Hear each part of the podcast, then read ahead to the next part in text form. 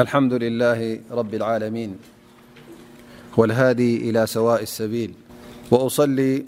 وأسلم على المبعوث رحمة للعالمين الهادي البشير النذير محمد بن عبد الله وعلى آله وصحبه الغر الميامين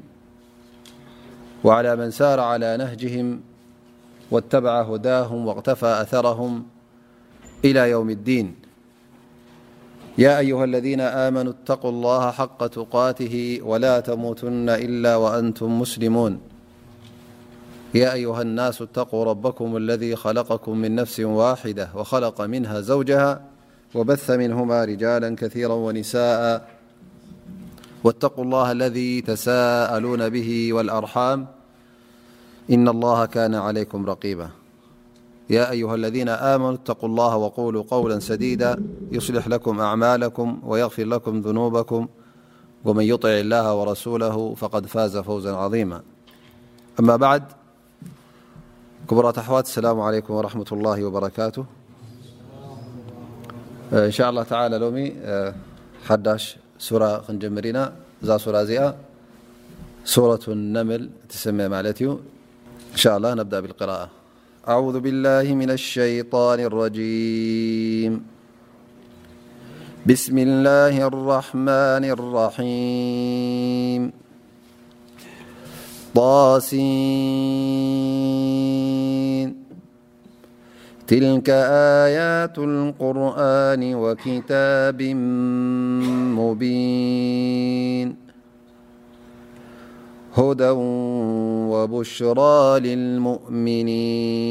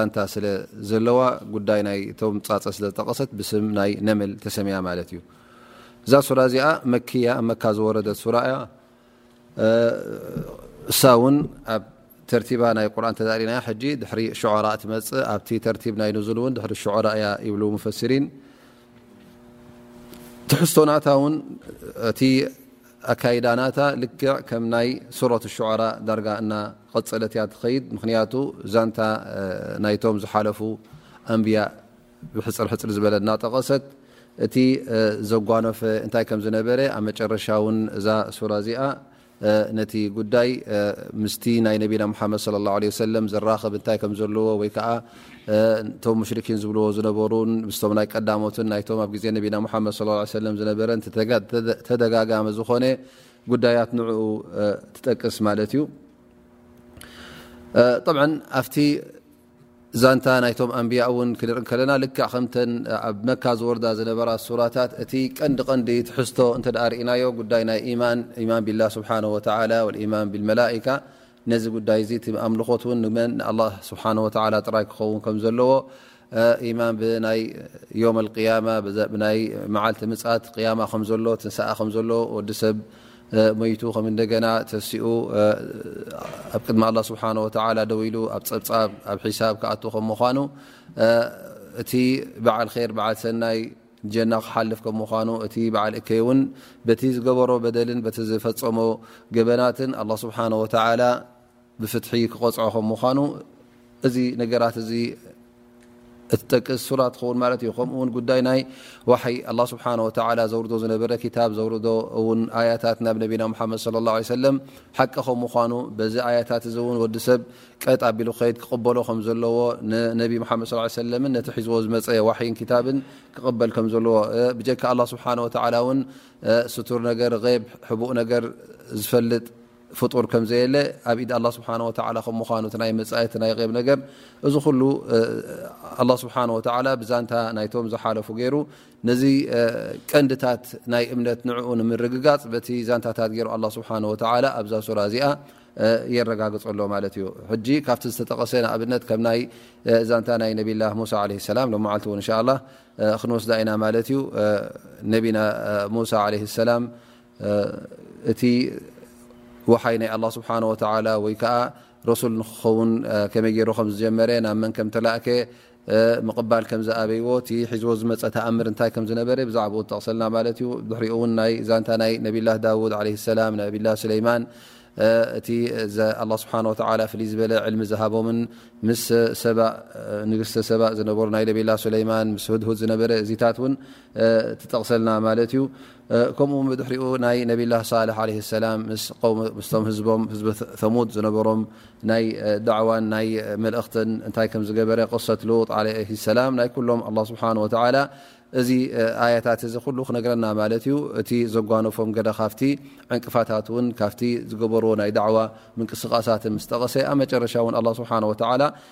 ነቲ መደምደምታ ነዚ ኣያታት እዚ ወይ ከኣ ነዚ ዛንታታት እዚ ኣላህ ስብሓነሁ ወተዓላ ኣብ መጨረሻ እውን ከመይ ገይሩ የጭርሾ ማለት እዩ የቁል ላሁ ስብሓነሁ ወተዓላ ቁል ኣልሓምዱሊላሂ ወሰላሙን ዓላ ዒባዲሂ ለዚነ እስጠፋ ኣላሁ ኸይሩን ኣማ ዩሽሪኩን እነቲ ጀኒሃ እቲ ናይ መጨረሻ ትኽሉ ዛንታ እቲ ናይ ሽርክ ዝገብርዎ ዝነበሩ እቲ ዝርከብ ዝነበረ ናይ ዳዕዋ ናይቶም ኣንብያ ናይቶም ልኡኻን ዘመሓላልፎ ዝነበሩ ኣብ መጨረሻ ኣላ ኸይሩን ኣማ ሽሪኩን እቲ ቐንዲ ትሕዝቶ ሕጂ ወይ ከዓ እቲ ቐንዲ ሽቶ ክውቃዕ ተሓሲቡ ዘሎ እዞም ሰባት እዚኦም ካብቲ ዝገብርዎ ዘለዉ ናይ ሽርክነት ኣምልኾት ናብ ናይ ተውሒድ ኣምልኾት ናብ ናይ ሓደነት ኣምልኾት ንእንኮ ኣላ ስብሓን ወተዓላ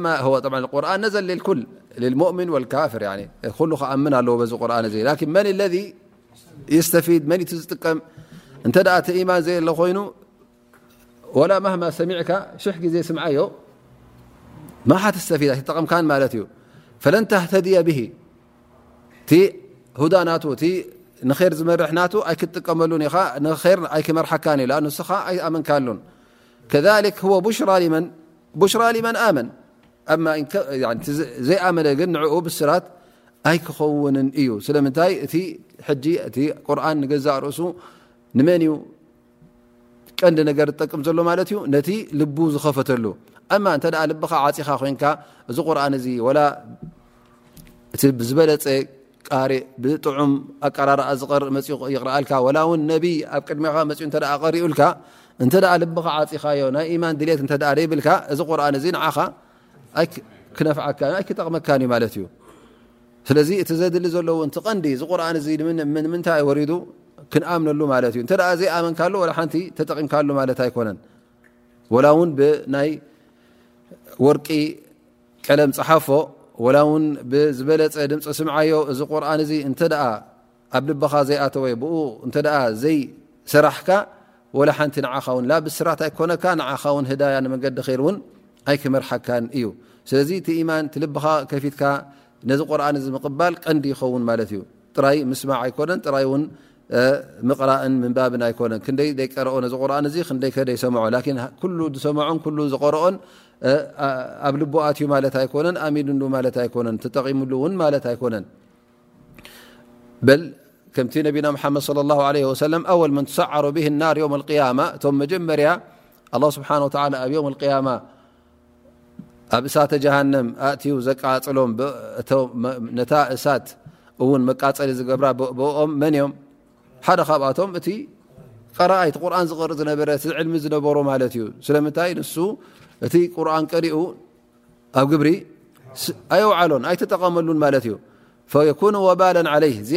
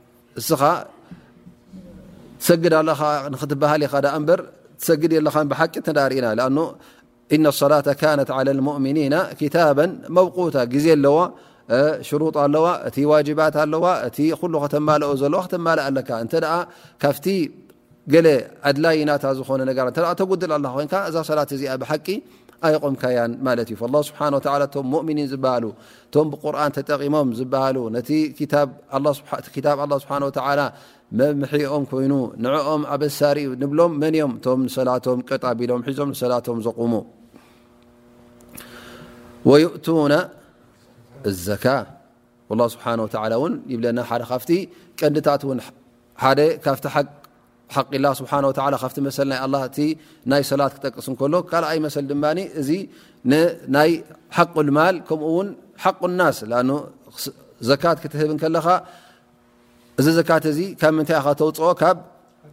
ማልካ ኢኻ ተውፅኦ ማለት እዩ ስለዚ ካብቲ ማል ንመን እዩ ዝወሃብ ሊላ ኢልካ ንመን ትህብ ነቶም መሳኪን ሰባት ናቶም መሰል ስለ ዝኾነ እዞም ገንዘቦም ንፁህን ፅሩይን ዝኾነ ማለት እዩ እቲ ገንዘቦም ውን ብሓላል ኣምፂኦም ዘካቱ ዘውፅኡ ማለት እዩ ለذ የእቱነ ዘካ ሓደ ሰብ እተ ገንዘቡ ብሓራም ብሓረጣ ዝኣከቦ ኮይኑ ዘካት ካብኡ ተውፅኡ እንታይ ይጠቕሞ ወላ ሸ ማል ሓራም እዩ ኣሰንቲ ኩሉ ገንዘብ ገንዘቡ ይኮነን ስለዚ ኩሉ እቲ ገንዘብ ካብ ነብሱ ክርሕቆ እዩ ዘሎ ኢዘን ቀዳማይ ነገር ኣስለን ዘካት ከተውፅእ እንተ ኮይንካ እቲ ገንዘብ ብሓላል ዝመፅ ክኸውን ኣለዎ ማለት እዩ እዚ ዘካት እዚ እውን ንዓኻ እንታይ እዩ ዝገብረካ እንተ ብሓላል ኣምፅካዮ እሞ ከዓ ከም ግቡእ እዚ ዘካት እዚ እንተ ኣውፅእካ ውን ንዓኻ ፅርየትን ንፅህናን እዩ ዘህበካ ማለት እዩ ኹ ምን ኣምዋልህም ሰደቀተ ትጠሂርም ወትዘኪህም ብሃ ኣላ ስብሓን ወተላ እታይ ገይርዋ ማለት እዩ እዛ ዘካት እዚኣ ተውፅኣ ዘለኻ ንዓኻ ንፅህናን ፅርትን ገይሩልካ ማለት እዩ ጠሃራ ገይሩልካ ትገንዘብካን ንስኻን ኩልኹም ትፀርዩን ትጣህሩን ማለት እዩ ስብሓ ወላ እቶም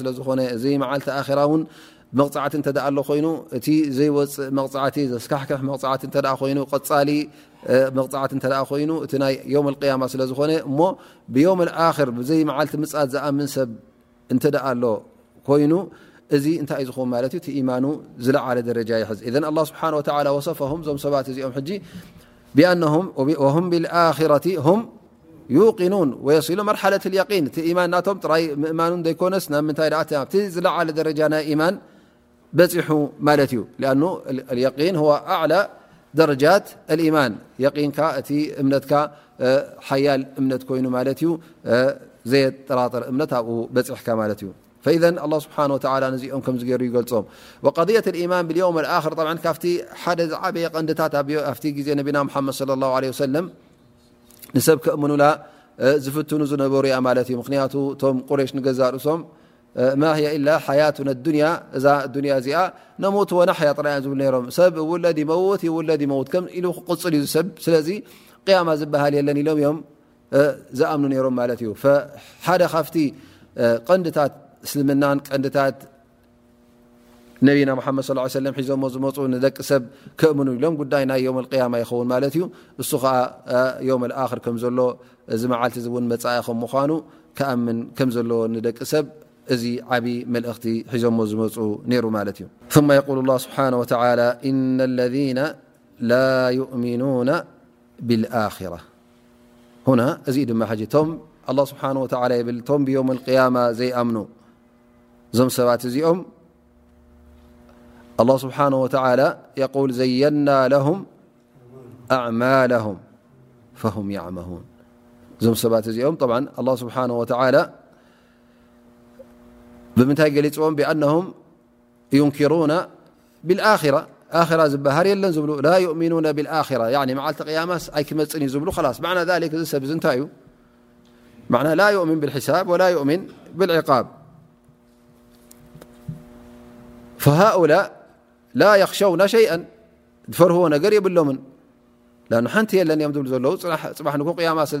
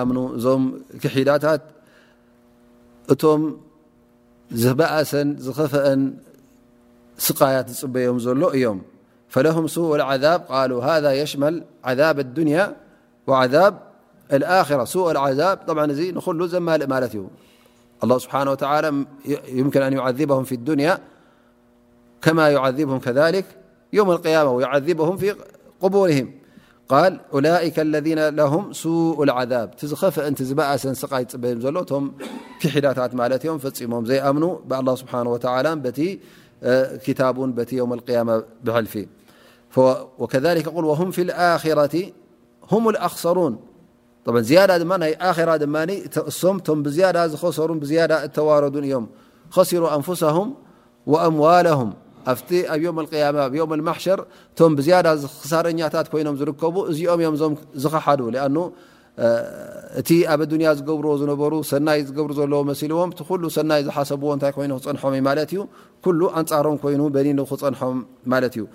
እቲ ዘውፅዎ ዝነበሩ ገንዘብ እውን ኩሉ ክሳራ ክኸውን ማለት እዩ እቲ ዝሰርሕዎ ዝነበሩ ስራሓት ኩሉ ክሳራ ክኸውን እዩ ምክንያቱ እዞም ሰባት እዚኦም ብ ቀንዲ ናይ ብኣላ ስብሓን ወተላ ኢማን ስለ ዘይነበሮም እቲ እምነቶም ውን ስለ ዘይነበረ ኣላ ስብሓን ወተላ ኣብ ዮም ኣልቅያማ ካብቶም ዝያዳ እተዋረዱን ዝያዳ ዝኸሰሩን ክገብሮም እዩ ምክንያቱ እቲ ዝኸፍአን ዝበእሰን መቕፃዕቲ ዝረኽቦ መን እዩ እቲ ብኣላ ስብሓን ወተላ ዝኸሓደ ማለት እዩ ምናልባሽ ቶም ብኣላ ስብሓን ወተላ እናኣመኑ ከለዉ ማዕስያ ዝገብሩ ይቕፅዑ ይኾኑ ላኪን እንተ ደኣ ክሒዳ ኮይኑ ሓደ ሰብ ብኣላ ስብሓን ወተላ ዘይኣምን ወይ ከዓ በቲ ቀንድታት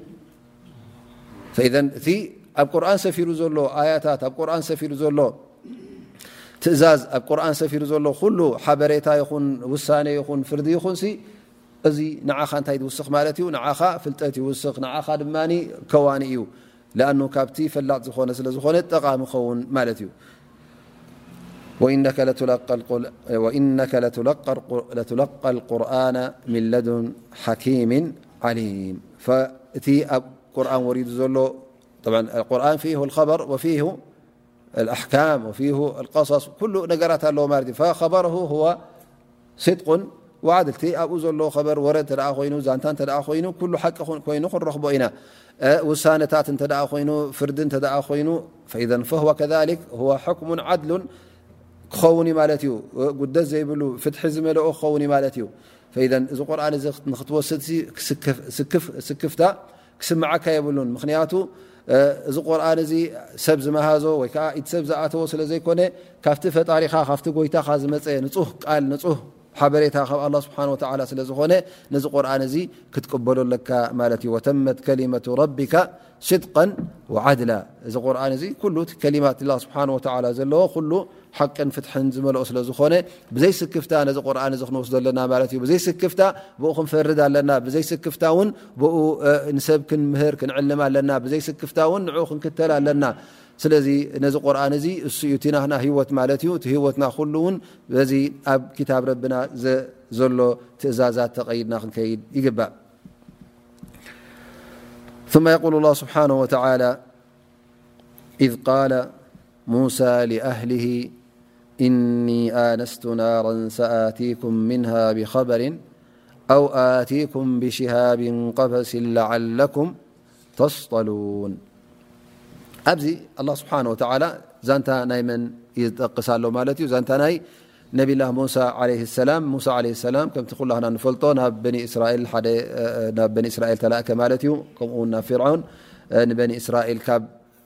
ፍርዖን ናፃ ንኸውፅኦም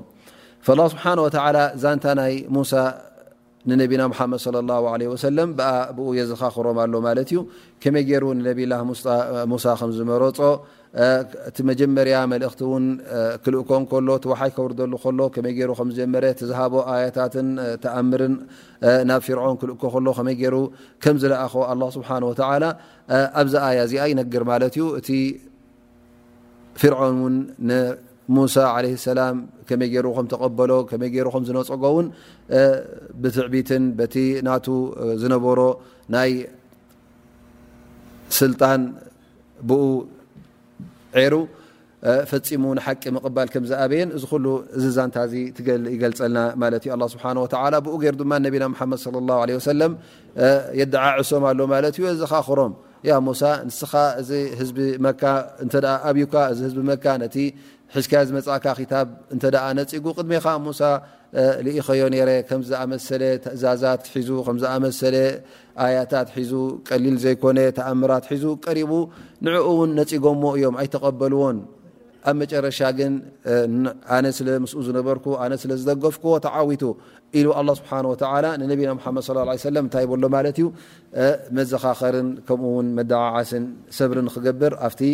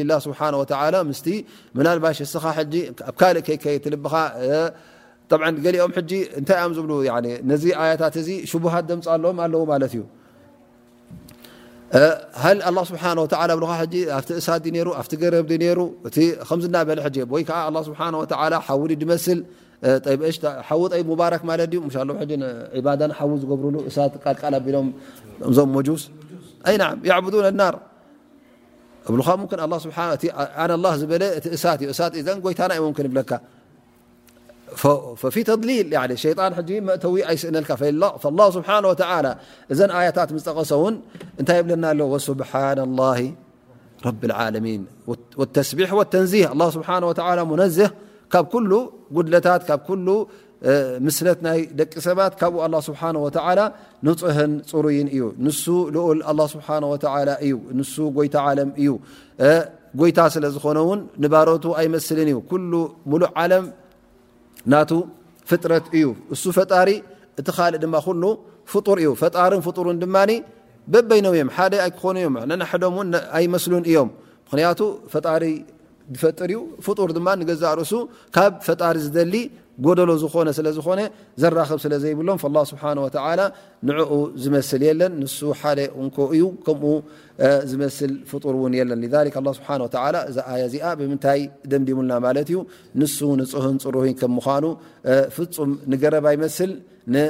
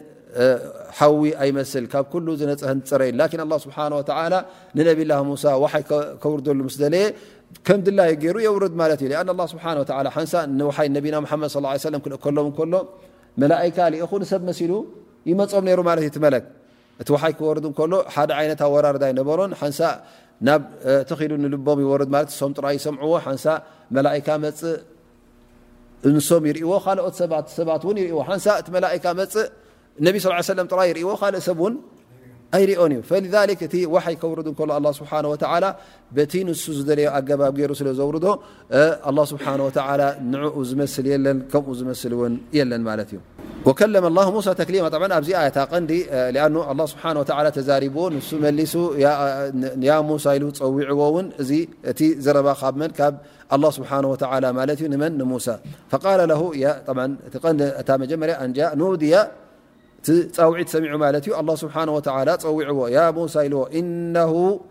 ኣና ላሁ ኣልዓዚዙ ኣልሓኪም ያ ሙሳ ኢሉ ንሙሳ ለ ሰላም ብስሙ ፀዊዕዎ ማለት እዩ ኣነ ዝፅዋዓካ ዘለኹ ኣነ ዝዛረበካ ዘለኹ ኣነ ጎይታኻ እየ ኣነ ሓደ ኣላ እየ ኢሉ ይነግሮ ማለት እዩ እቲ ጎይታ ውን ጎይታኻ ሓያል ጎይታ ከም ምዃኑ ውን ይገልጸሉ ኣሎ ማለት እዩ ኣን ቃል ኣነ ላሁ ኣልዓዚዝ ኣልሓኪም ኣላ ስብሓን ወተላ ነዘን ክልተ ዓበይቲ ቅፅላቱ ገሊፁ ማለት እዩ ንሱ ከዓ ሓያል ከም ምኳኑ ልዕሊ ኩሉ ከም ምኳኑ ዓዚዝ ከም ምኳኑ ፍፁም ንዕኡ ዝስዕሮ ከምዘየለ ልዕሊኡ ከምዘየለ ከምኡ ውን ሓኪም ከም ምኳኑ ኣብ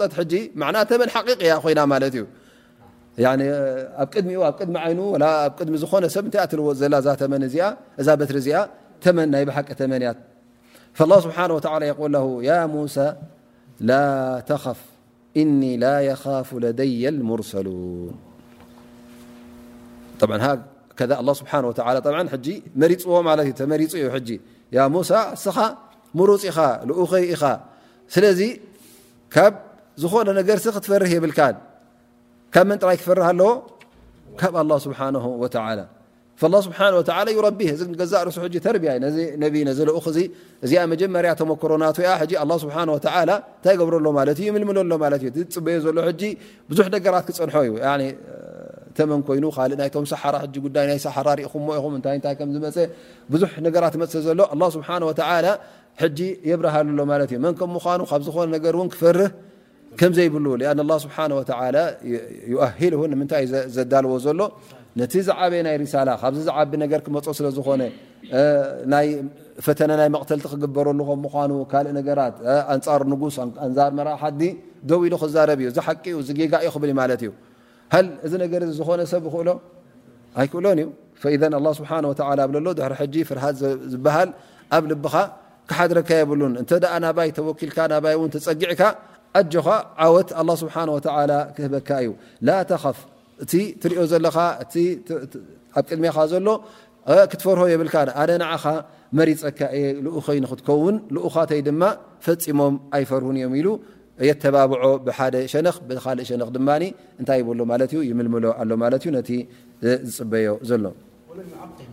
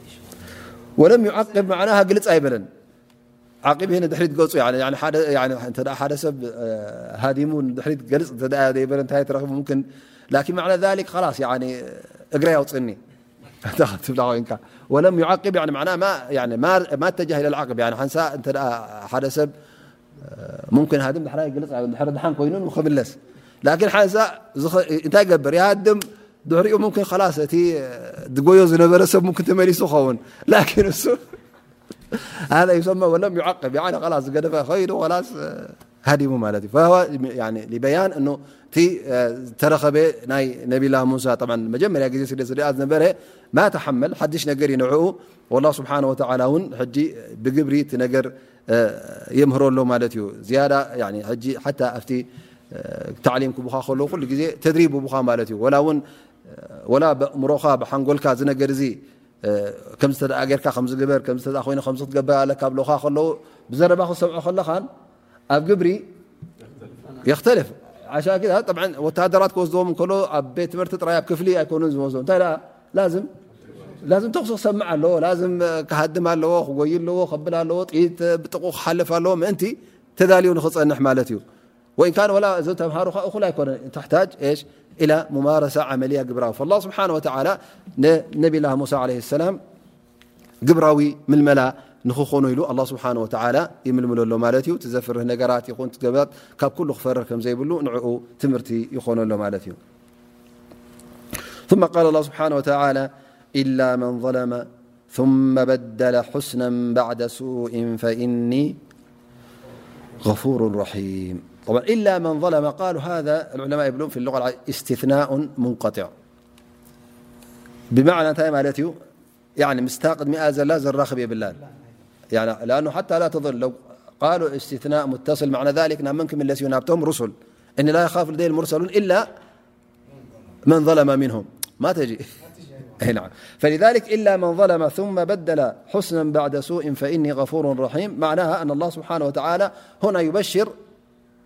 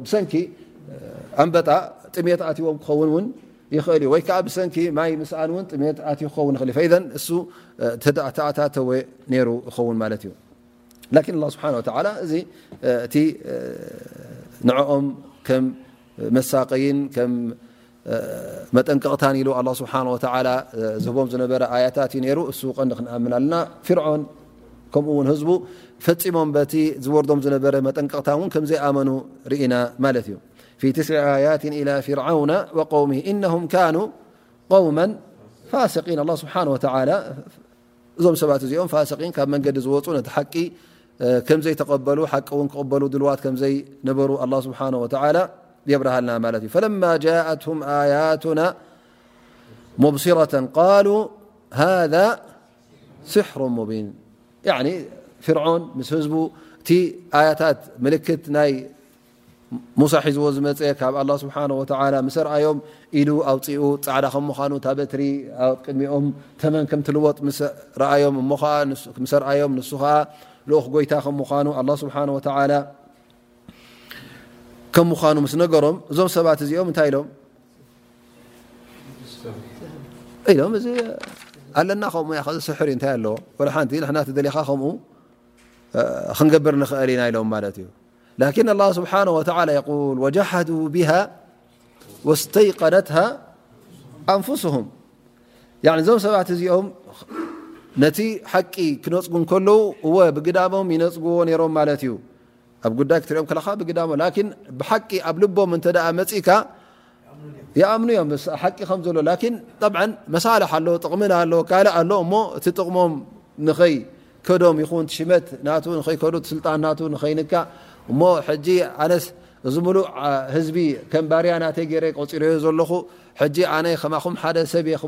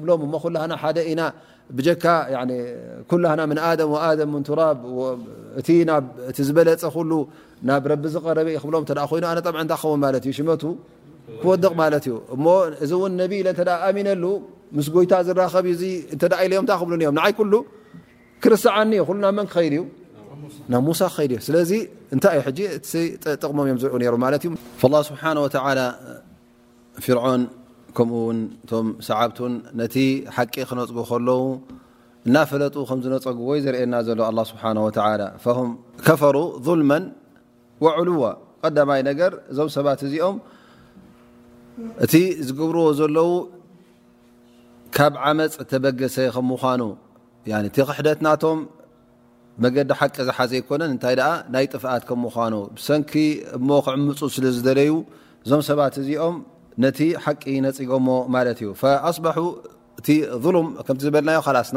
ናትና ኢሎም ስለ ዝወሰድዎ ኣብኡ ቅፅሉ ስለ ዝደለዩ ማለት እዩ ወዕሉወ ከ እስትክባረን ትዕቢት ስለ ዝሓዞም ማለት እዩ ንሕናስ ሕጂ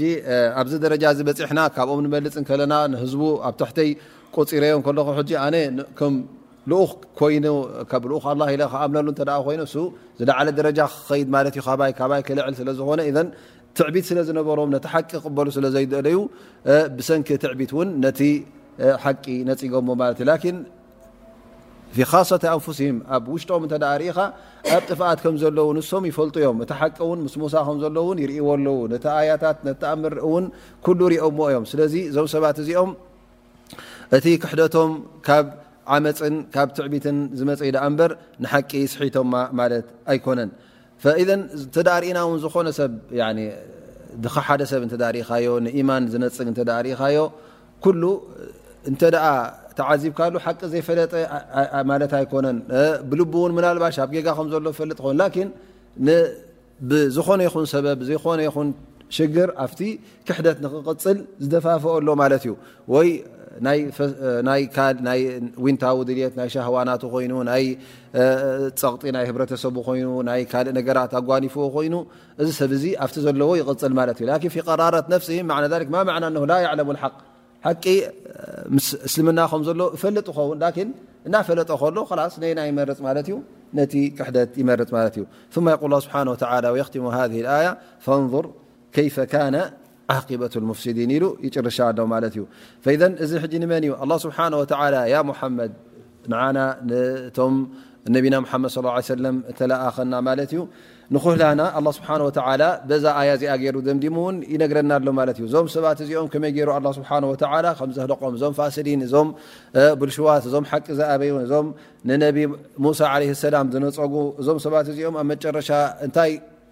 ከምዝወረዶም ኣ ስብሓ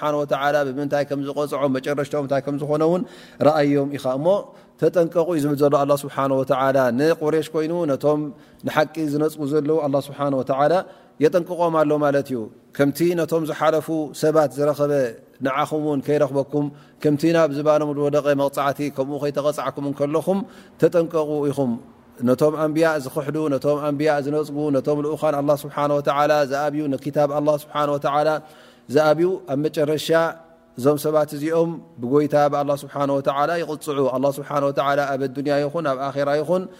ዝዓበየ መቕጻዕቲ ኣዳልዩሎም ስለ ዘሎ ካብዚ ተጠንቀቑ እዩ ዝብለና ዘሎ ኣላህ ስብሓነ ወተዓላ በዛ ኣያ እዚ ገይሩ ፈንዙር ከይፈ ካነ ዓቂበቱ ልሙፍሲዲን እቶም ሙፍሲዲን ዝተባሃሉ ኣላ ስብሓን ተዓላ እነም ቆመም ፋሲቂን ዝበሎም እዞም ሙፍሲዲን እዚኦም እዞም ብልሽዋትን ንሰብ ዘበላሽዉ ዘለዉ እምነቶም ተበላሽዩ እምነት ካልኦት ዘበላሽዉ ዘለዉ ኣላ ስብሓን ወተዓላ መደምደምተኦም ኣብ ኣዱንያ መቕዘፍትን መህለቕትን ገይርዎ ዮም ኣልቅያማ እውን እንታይ ፅበዮም ኣሎ ማለት እዩ ስቃይ ዝዓበየ ስቃይ ናይ እሳተ ጀሃንም ፅበዮም ዘሎ ስለ ዝኾነ ካብኡ ተጠንቀቑ ኢሉ እዩ ኣላ ስብሓን ወተዓላ